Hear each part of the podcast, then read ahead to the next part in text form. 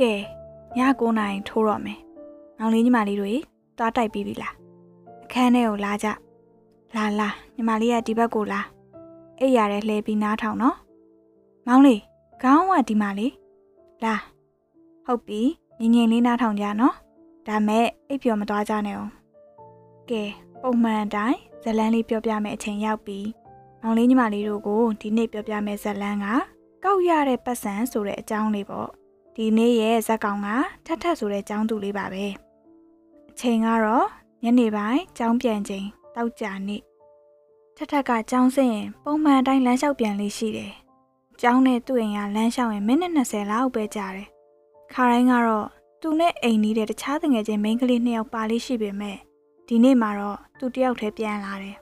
ကျောင်းလွှတ်ချိန်ကညနေဆောင်ဖြစ်တာမို့သူပြန်လာတဲ့လမ်းတစ်လျှောက်မှာလူသူရှုပ်ထွေးနေလေးရှိတယ်သူလိုပဲ ကျောင်းပြန်လာကြတဲ့ကျောင်းသားကျောင်းသူတွေရှိသလို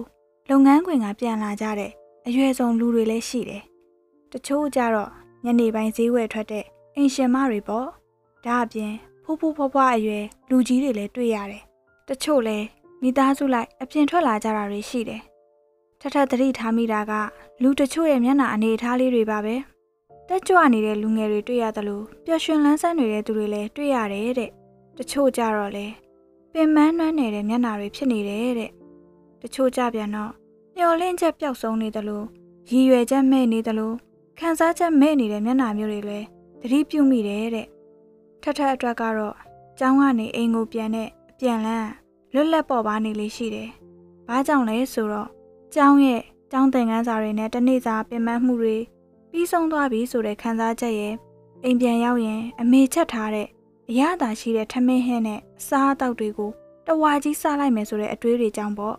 တကယ်ဆိုတော့ထထတို့မိသားစုကချမ်းသာတဲ့မိသားစုမဟုတ်ပါဘူးထထဖေကဝန်ထမ်းတယောက်မို့သူရတဲ့လစာလေးနဲ့မိသားစု၄ယောက်လောက်ငအောင်ချိုးချံချွေတာပြီးတုံးဆွဲကြတာမို့အပိုမရှိပေမဲ့အပူပင်ကင်းတဲ့မိသားစုပါပဲမိသားစုတတရရပျော်ပျော်ရွှင်ရွှင်နေရလို့ကျောင်းစာကိုလည်းအခက်အခဲမရှိသင်ယူနိုင်တယ်လို့ပြောရမှာပဲ အဲ့ဒါလိုခံစားချက်နဲ့ပြန်လာရင်းနဲ့ထက်ထက်သူနေတဲ့လမ်းထိပ်ကိုရောက်လာပါရောလမ်းမကြီးကနေလမ်းထဲကိုကိုယ်ဝင်လိုက်တဲ့အချိန်မှာပဲသူ့ရှေ့မလန့်မကန့်မှာအမျိုးသမီးတယောက်အထုပ်အပိုးတွေနဲ့တွားနေတာသူတွေ့လိုက်တယ်အသက်အရွယ်ကသူ့အမေနဲ့ရွယ်တူလောက်ပေါ့ဘသူဆိုတာတိတိကျကျမသိပေမဲ့ဒီအမျိုးသမီးကြီးမှလည်းသူ့လိုရွယ်တူသားသမီးတွေရောရှိမလားမသိဘူးဆိုတဲ့အတွေးကိုမစီမဆိုင်တွေးလိုက်မိတယ်တဲ့အဲ့ဒီအချိန်မှာပဲ အမျိုးသမီးကြီးရဲ့လက်ထဲကတခုခုပြုတ်ကျကြံခဲ့တာကိုထထသတိပြုလိုက်မိတယ်။ခလန်းလန်းသူမြင်လိုက်တဲ့အချိန်မှာဘာကြသွားမှမသိပေမဲ့တဖြည်းဖြည်းသူနဲ့နီးလာတဲ့အချိန်မှာတော့ပတ်စံတရွယ်ဖြစ်နေတယ်တဲ့။ကြကြံခဲ့တဲ့ပတ်စံရှိတဲ့တဲ့သူရောက်တဲ့အခါမှာတော့တပေါင်းနံဖြစ်နေတာသူတွေ့လိုက်တယ်။အဲ့ဒီပတ်စံလေးကိုကောက်ယူဖို့အလုံးမှာအဲ့ဒီအမျိုးသမီးကြီးလည်းသူသွားမဲ့လမ်းအတိုင်းဆက်ပြီးရှောက်သွားနေတာတွေ့လိုက်ရတယ်။ပိုက်ဆံကိုကောက်ယူပြီးအဲ့ဒီအမျိုးသမီးကြီးကိုပေးမယ်ဆိုတဲ့အသည့် သူဝင်လာတယ်။အော်ခေါ်မယ်ဆိုပြန်တော့ဘသူမှမသိတော့ခေါ်ဖို့ခက်နေတယ်။အမျိုးသမီးနောက်ကိုပြေးလိုက်မယ်ဆိုရင်တော့မှီနိုင်သေးတယ်ဆိုတာထက်ထက်သိနေတယ်။ဒါပေမဲ့ပြေးလိုက်ရမလားဒီအတိုင်းပဲထားလိုက်ရမလားဆိုပြီးတရင်ကလေးမှာတော့ထက်ထက်ဝေခွဲမရဘူးဖြစ်သွားတယ်တဲ့။အဲ့ဒီအတွေးနှစ်ခုကြားမှာလွန်ဆွဲနေချိန်မှာတတောင်းနံပတ်စံလေးကသူ့ရဲ့ခြေလမ်းတွေကိုမှလန်းမှုတားမြစ်နေတယ်လို့ပါပဲ။အမေစီကရနေကြမဟုတ်ဘူးကတနေ့900ဆိုတော့တထောင်ဆိုတာ ရက်20စာမဟုတ်ဘူးဖြစ်နေတာပါပဲတာမန်ចောင်းသူလေးအတွက်မမောစရာပမာဏပါပဲနောက်ဆုံးတော့ပြေးလိုက်မသွားတော့ပဲတထောင်နံပတ်စံလေးကိုကိုင်းပြီးတဖြည်းဖြည်းချင်းဆက်လျှောက်လိုက်ပါတယ်သူ့အိမ်နဲ့လည်းတဖြည်းဖြည်းနီးလာနေပြီလေဒါပေမဲ့ထက်ထက်စိတ်ထဲကအတွေးတွေကတော့မပြီးဆုံးသေးပါဘူးငါလောက်တာမှန်ရဲ့လားဆိုတဲ့မိကွန်းအပြန်ပြန်လှန်လှန်မေးနေမိတော့မှပဲငါလည်းသူ့ကိုမသိဘူးသူလဲကြမှန်းမသိဘူးဖြစ်နေတာမို့ယူထားလိုက်တာဘာမှမဖြစ်ပါဘူးဆိုတဲ့အတွေးက အနိုင်ရသွားတယ်တဲ့အဲ့ဒါနဲ့ပဲကောက်ရတဲ့တထောင်းတန်လေးကိုလေထဲထိုးထဲလိုက်တယ်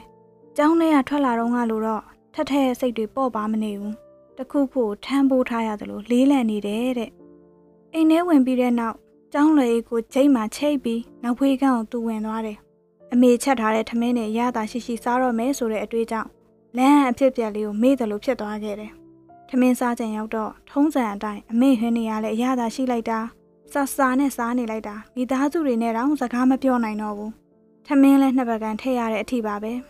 စားပြီးပြန်တော့ထထတို့အိမ်ရဲ့စီကံအတိုင်းကို့ထမင်းပကံကိုယ်တိုင်ဆေးရတယ်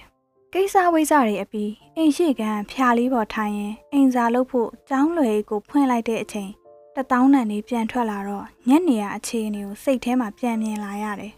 အဲ့ဒီကိစ္စအမေကိုပြောပြရမလားဆိုတဲ့အတွေ့အရောက်လာပြန်တယ်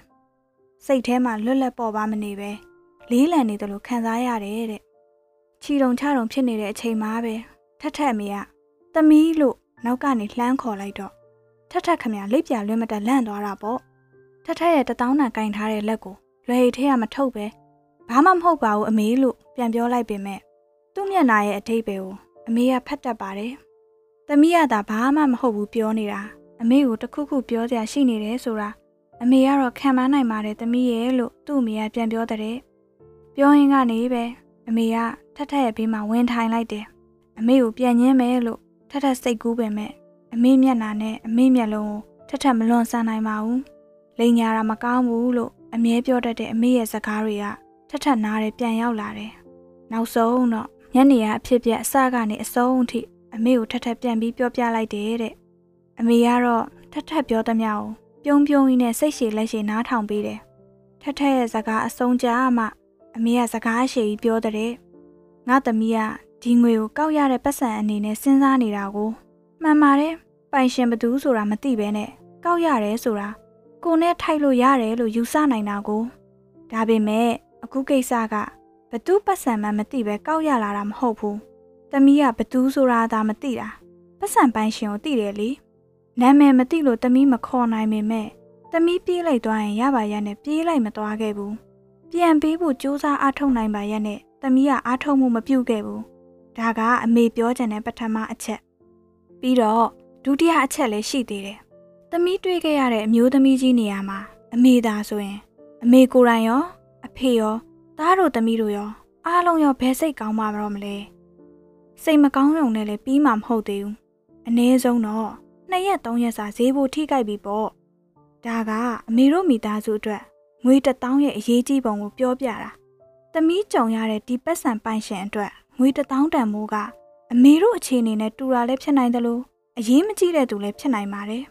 အမေတို့ထပ်ပိုးပြီးလိုအပ်ချက်ရှိတဲ့သူလည်းဖြစ်နိုင်တာပဲအဲ့ဒါလို့သာဆိုရင်အခုအချိန်မှာသူတို့မိသားစုခေါင်းမီတောက်နေရရှာမှာပေါ့အဲ့ဒီနှစ်ချက်ကြောင့်အမေကတော့သမီးဒီပတ်စံကိုပြန်မပေးလိုက်တာဘဝင်မကြဘူးပိုင်ဆိုင်သူကိုတိနေရက်နဲ့သူ့ပတ်စံလက်ဝယ်ယူလိုက်တာဟာ တွေ့ဝိုက်ပြီးခိုးယူတာပါပဲထထအတွက်တော့ရှက်စရာဆိုတဲ့ခံစားချက်ကိုအမေရှိမှပထမဆုံးချိန်ခံစားမိလိုက်တယ်အဲ့ဒီအခါစိုးရင်စိမ့်နဲ့ဒါဆိုရင်သမီးဘာလုပ်ရမလဲအမေလို့မေးလိုက်တော့အခုအချိန်နေမှာတော့သမီးဒီပတ်စံကိုပြန်ပေးလို့မရတော့ဘူးလေနောက်နောက်ဆိုရင်တော့ဒီလိုအခြေအနေမျိုးကိုသမီးရှောင်နိုင်ဖို့အမေကပြောတာပါလို့ပြန်ပြောတဲ့သူ့အမေရဲ့စကားပြီးမှတော့ထက်ထဲလဲ နောက်ဆိုရင်ဒီလိုမလုပ်တော့ဘူးဆိုတဲ့အတွေးလေးရောက်လာပြီး